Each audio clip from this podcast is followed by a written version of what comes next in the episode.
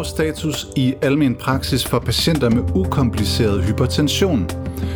Det stiller vi skarpt på i den her podcast, som er en del af modulmodellen, som er udviklet af KPS. De næste små 20 minutter skal vi tale om, hvordan personalet i almen praksis egentlig kan gribe en årsstatus an, så de rigtige patienter får den rigtige behandling. Podcastens fokus er altså at undgå både at overbehandle og at underbehandle. Podcasten den er til dig, som er personale i almen praksis og måske skal til at varetage årsstatus for patienter med ukompliceret hypertension.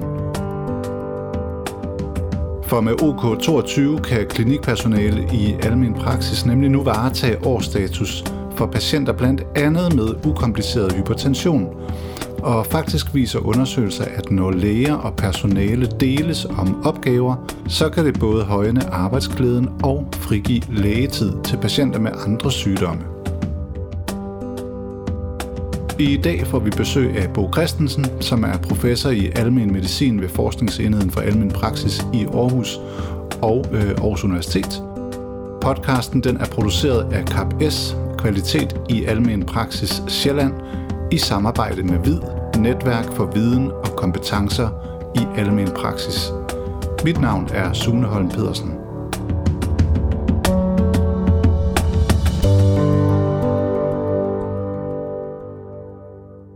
Bo Christensen, velkommen til dig. Mange tak. Du er professor i almen medicin på Aarhus Universitet og forskningsenheden for almen praksis i Aarhus. Du er også øh, praktiserende læge, og så har du beskæftiget dig en hel del med praktiserende lægers rolle, når det kommer til at håndtere hjertekarsygdomme og også hypertension eller forhøjet blodtryk, som det hedder på dansk. Ja, det er rigtigt. Og netop øh, forhøjet blodtryk, det er en meget hyppig tilstand hos særligt den ældre del af befolkningen. Øh, forhøjet blodtryk, det kan i gennemsnit måles hos omkring hver anden dansker over 60 år, anslår en øh, dansk undersøgelse. Men kun omkring en ud af tre patienter, som får diagnostiseret forhøjet blodtryk, får efterfølgende behandlet blodtrykket ned på det anbefalede niveau. Øh, lad os prøve at tale lidt om det. Og lad os prøve at starte med diagnosen.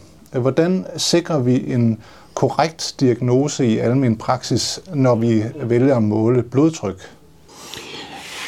Jamen altså først og fremmest så øh, synes jeg, at det er vigtigt, at vi får optaget en rigtig god øh, patienthistorie. Fordi man nemt kommer til at måle blodtrykket for højt øh, på nogle præmisser, som ikke er optimale. Og når jeg siger patienthistorie, jamen det er, at en patient, som, hvor vi måler et tilfældigt blodtryk, der er for højt, jamen så er vi jo nødt til at gå videre med udredning af den her patient og finde ud af, har patienten et for højt blodtryk. Og det synes jeg, at det, der er vigtigt, i hvert fald i patienthistorien, det er at finde ud af, at det er en patient, der har smerter, en, der har sover dårligt, en, der er stresset, en, der måske tager en SAID, som kan give for højt blodtryk. Altså nogle af de ting, som, som er vigtigt, vi lige går i gang med at få klarlagt, inden vi går videre med at finde ud af, hvad er deres korrekte blodtryk. Når det er sagt, øh, så er det jo vigtigt at måle blodtrykket korrekt. Og med mindre det er ekstremt højt blodtryk, jamen, så har vi god tid til at finde ud af, om patienten har for højt blodtryk, eller om det bare er et tilfældigt fund. Med hensyn til at måle blodtryk, jamen, så øh, kommer vi lidt ind på det lidt senere, hvordan vi, vi måler blodtryk på den rigtige måde, når vi skal finde patienten med for højt blodtryk. Og mit næste spørgsmål, det går på, om almen praksis egentlig finder de rigtige patienter Ja, det skulle man jo egentlig tro, når vi ser på, hvor mange blodtryk vi måler ude i praksis. Og så, så skulle vi jo tro, at vi find, finder alle patienter med for højt blodtryk. Men der er ingen tvivl om, at der er nogle grupper, hvor vi måske øh, overser nogen, som har for højt blodtryk, fordi patienten kommer med enormt mange andre problemstillinger i deres øh, tilværelse, hvor vi måske tænker, her er det måske ikke lige det rigtige tidspunkt at måle blodtryk øh, på. Det er den ene ting. Og den anden ting, det der er, er en af de problemer, det er jo, har patienten reelt for højt blodtryk, eller er det nogle omstændigheder, patientens liv eller levevaner, som gør, at vi måler et for højt blodtryk. Så det vil sige, at vi har en klassisk problemstilling. Finder vi de rigtige? Vi finder i hvert fald rigtig mange, men det er helt sikkert, at vi overbehandler nogen eller overdiagnostiserer nogen, og vi underdiagnostiserer nogle patienter. Ja, for det var faktisk det, jeg skulle til at spørge om som det næste her, om almen praksis i den her patientpopulation kan risikere at overdiagnostisere og overbehandle, eller omvendt at underdiagnostisere og underbehandle patienterne? Jo, men det er jo en rigtig øh, klassisk problemstilling, når vi snakker omkring forebyggelse. Risikoen er jo, at vi overdiagnostiserer, og derfor er det altså enormt vigtigt, at vi er omhyggelige med at få stillet øh, diagnosen og hypertension på et godt grundlag, og så sammenholde risikoen ved patienten for at udvikle hjertekarsygdom, sådan så vi ikke bare fokuserer på et enkelt stående blodtryk, men kigger på patientens risiko for at udvikle hjertekarsygdom. Det er den ene ting. Og den anden ting med hensyn til underbehandling, jamen det er jo selvfølgelig klart, at risikoen er, at vi ikke finder øh, patienten, øh, som har det for høje blodtryk, på grund af, af, af, af det, som jeg nævnte før, som måske gør, at det ikke lige det tema, vi skal tage op, i, øh, fordi patienten har så mange andre helbredsmæssige øh, udfordringer. Med hensyn til øh, underbehandling, jamen der kommer vi lidt ind på og kigger på, hvordan vi egentlig kan gøre det bedre med hensyn til at undgå øh, underbehandling.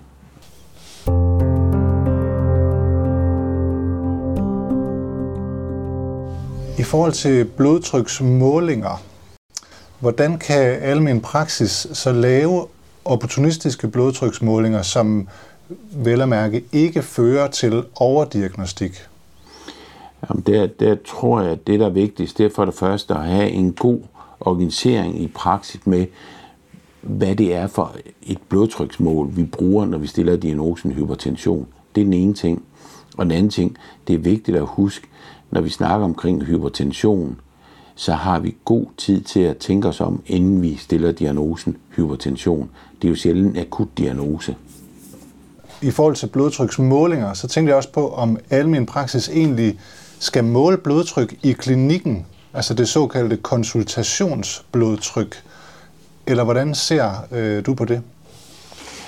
Med hensyn til øh, konsultationsblodtryk, så kan det bruges til screening.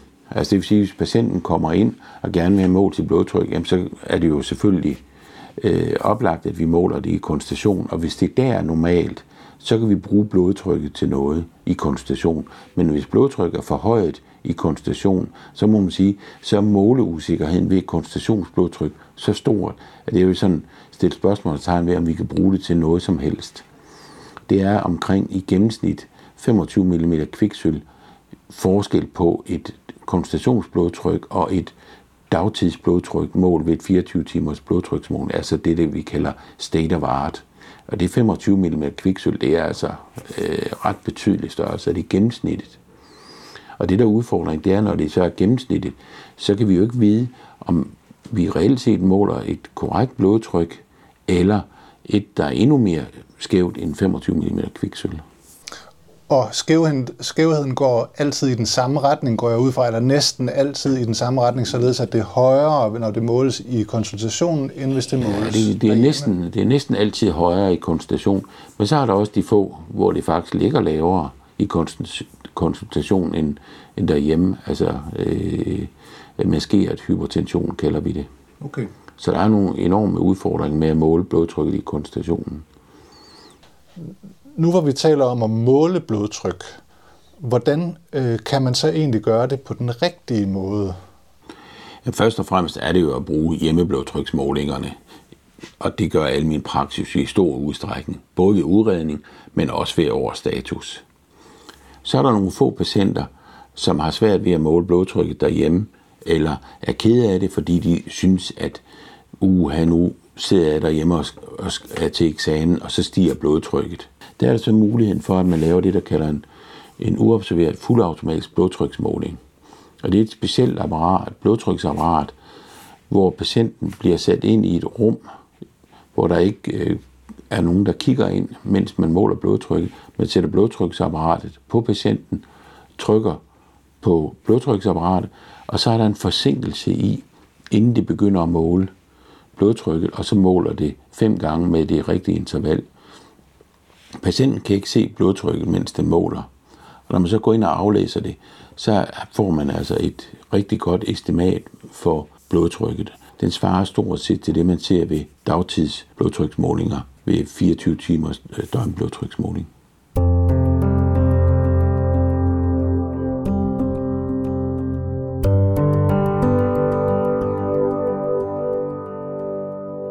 Okay, nu har vi så fundet en patient med forhøjet blodtryk, og vi har givet patienten en korrekt diagnose.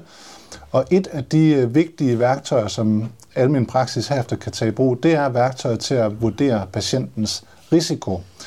Og nu anbefaler blandt andre DSAM at bruge det opdaterede værktøj SCORE 2. Kan du prøve at sige noget om, hvad er det nye i SCORE 2 i forhold til tidligere værktøjer? Det er, når vi snakker omkring forebyggelse af hjertekarsygdom, så er det jo enormt vigtigt at finde patienter i øget risiko for hjertekarsygdom, fordi vi behandler egentlig ikke blodtryk i sig selv, når vi behandler patientens risiko for at udvikle hjertekarsygdom. Så derfor er det vigtigt at have et godt og solidt øh, redskab. Og det er score 2 forbedret i forhold til hardscore, synes jeg. I score 2, der estimerer vi 10 års risikoen for at dø af hjertekarsygdom eller udvikle hjertekarsygdom. Fordi det, det, der er vigtigt, det er jo, at det er ikke kun forebyggelse af død, men også forebyggelse af hjertekarsygdomme, som AMI, blodprop i hjernen osv. Det er det, det er det, der er interessant at vide, fordi en af de problemer, der har været, det er, har været med yngre, at der er risikoen for at dø af hjertekarsygdom, til trods for meget høj risikoprofil, så har den været meget lille, kvæg alderen er så beskyttende. Det er den ene ting. Den anden ting, det er, at netop for at tage hensyn til det forhold, at, at alderen har så stor betydning for at udvikle hjertekarsygdom, så har vi lavet nogle forskellige grænseværdier, som er relateret til patientens alder. Okay. Så nu har vi vurderet risikoen hos vores patient, og en anden opgave øh, er så at screene for organforandringer hos øh, patienten. Hvordan griber vi det an? Og er der en, øh, en patientgruppe her, som vi skal være særlig opmærksomme på? Øh, ja, kan du sige noget om det? Jo, det, det er at netop øh, score 2 er beregnet på patienter, som ikke har organskade. Fordi patienter, som har organskade i relation til hypertensionsdiagnosen, det vil sige, at det er, at de har øh, belastet hjerte eller belastet nyre, der er det at vigtigt, at vi på en eller anden måde finder de patienter med organskade. Og det gør vi dels ved at tage et EKG, kigger efter øh, ventrikkelhypertrofi øh, eller belastning, og desuden undersøge urin for albuminuri. Fordi albuminuri, dels er det et tegn på en organskade, og dels er det en selvstændig risikofaktor for udvikling af hjertekarsygdom. Og hvad gør vi så med de patienter med albuminuri? Først og fremmest, så skal vi sikre os, at de har albuminuri, fordi der er en lang række fejlkilder. Når det er sagt, så er det vigtigt, at det første valg, det er, at de er i ACE eller angiotensin 2 hæmmer, og så følger vi deres udskillelse af albumin. Ved dem, der også, øh, hvor, hvor det begynder at skride, eller der kommer nyrepåvirkning, jamen der skal vi være opmærksom på SGLT2 hæmmer, som er en af de nye anbefalinger øh, inden for øh, antihypertensiv behandling.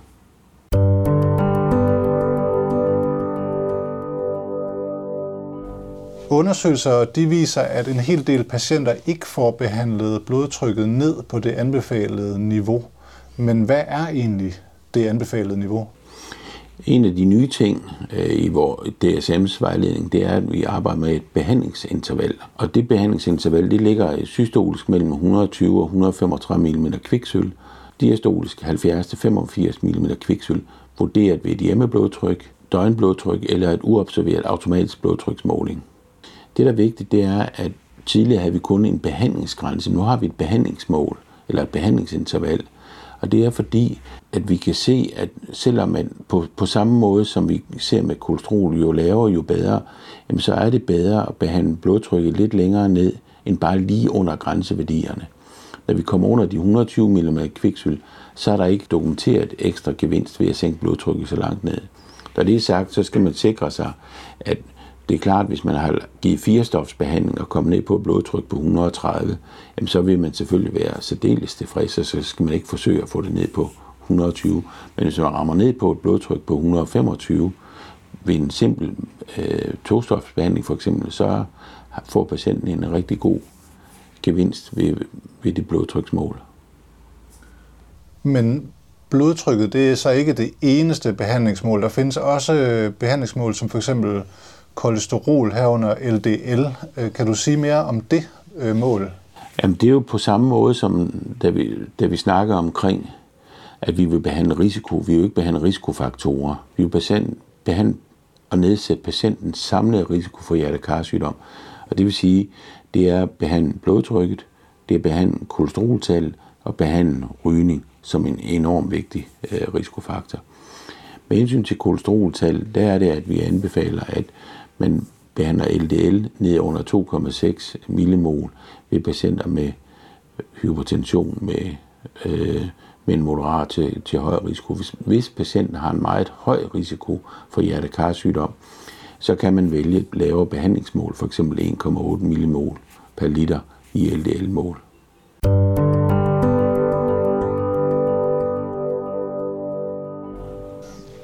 For nogle patienter, der er den rigtige løsning måske på et tidspunkt at komme videre fra almen praksis til specialisterne. Men hvordan eller hvornår skal vi henvise til specialisterne? Der har været en rigtig god udvikling i samarbejde med specialister de senere år, så vi kan få rigtig meget rådgivning fra øh, specialister per telefon, om det er en patient, de gerne vil se, eller om de gerne vil, vil give dig et råd øh, til at optimere behandling eller udredning. Men der, hvor jeg tænker, først og fremmest, så er det at have nogle enkle kriterier med hensyn til, når vi snakker omkring udredning. Hvad er det for nogle patienter, vi måske skal... Øh, det er sige, at det er ikke en opgave for mig som praktiserende læge. Det er for eksempel, hvis man finder en patient med for højt blodtryk, som ikke er fyldt 40 år. Der er risikoen for sekundær hypertension stor. Hvis blodtrykket er meget højt, 180 over 110, eller at det er behandlingsresistent øh, hypertension, det vil sige, at man har givet dem tre præparater, og blodtrykket ikke giver sig, så skal man tænke over, kan det være sekundær hypertension? Når vi så er i gang med behandling af patientens hypertension, og måske kommer op på, på firestofsbehandling, jamen der er det alt efter, hvad for en erfaring man har med at behandle hypertension, og man synes, man kan tillægge det fjerde stof, eller man gerne vil have råd fra en specialist til at gå videre med det.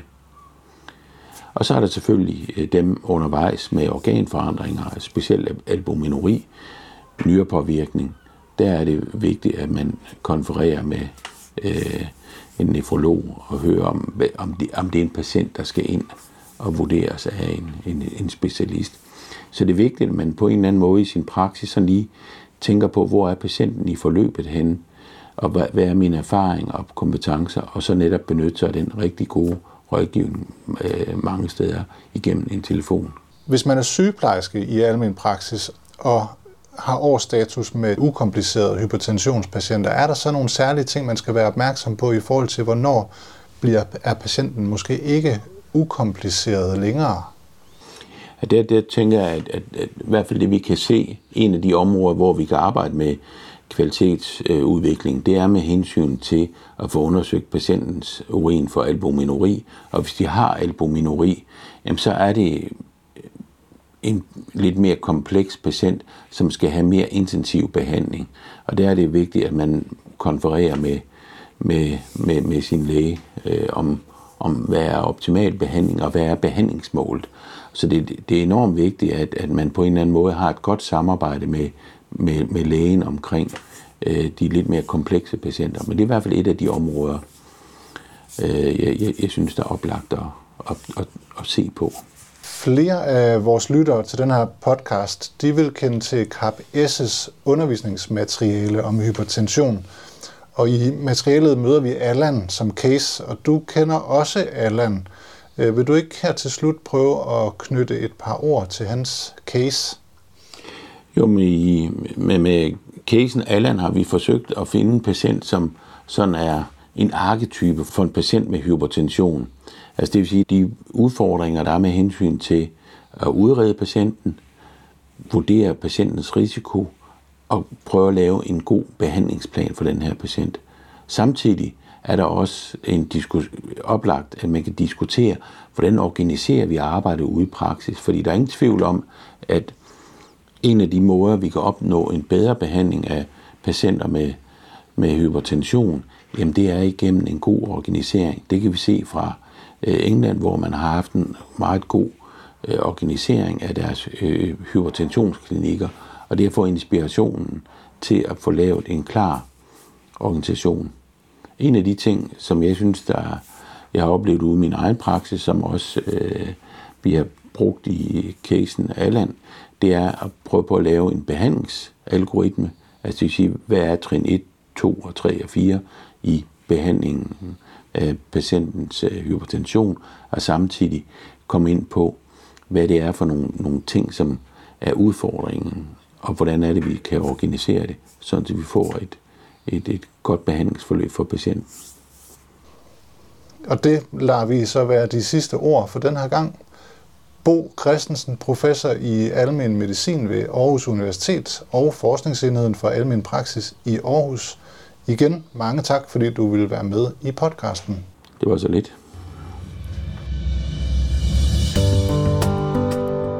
Ja, det var altså ordene fra professor og praktiserende læge Bo Christensen, som er ekspert i hypertension og almen praksis.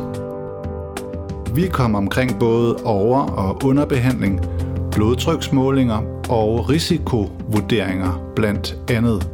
Øh, tilbage er blot at sige tak, fordi du lyttede med.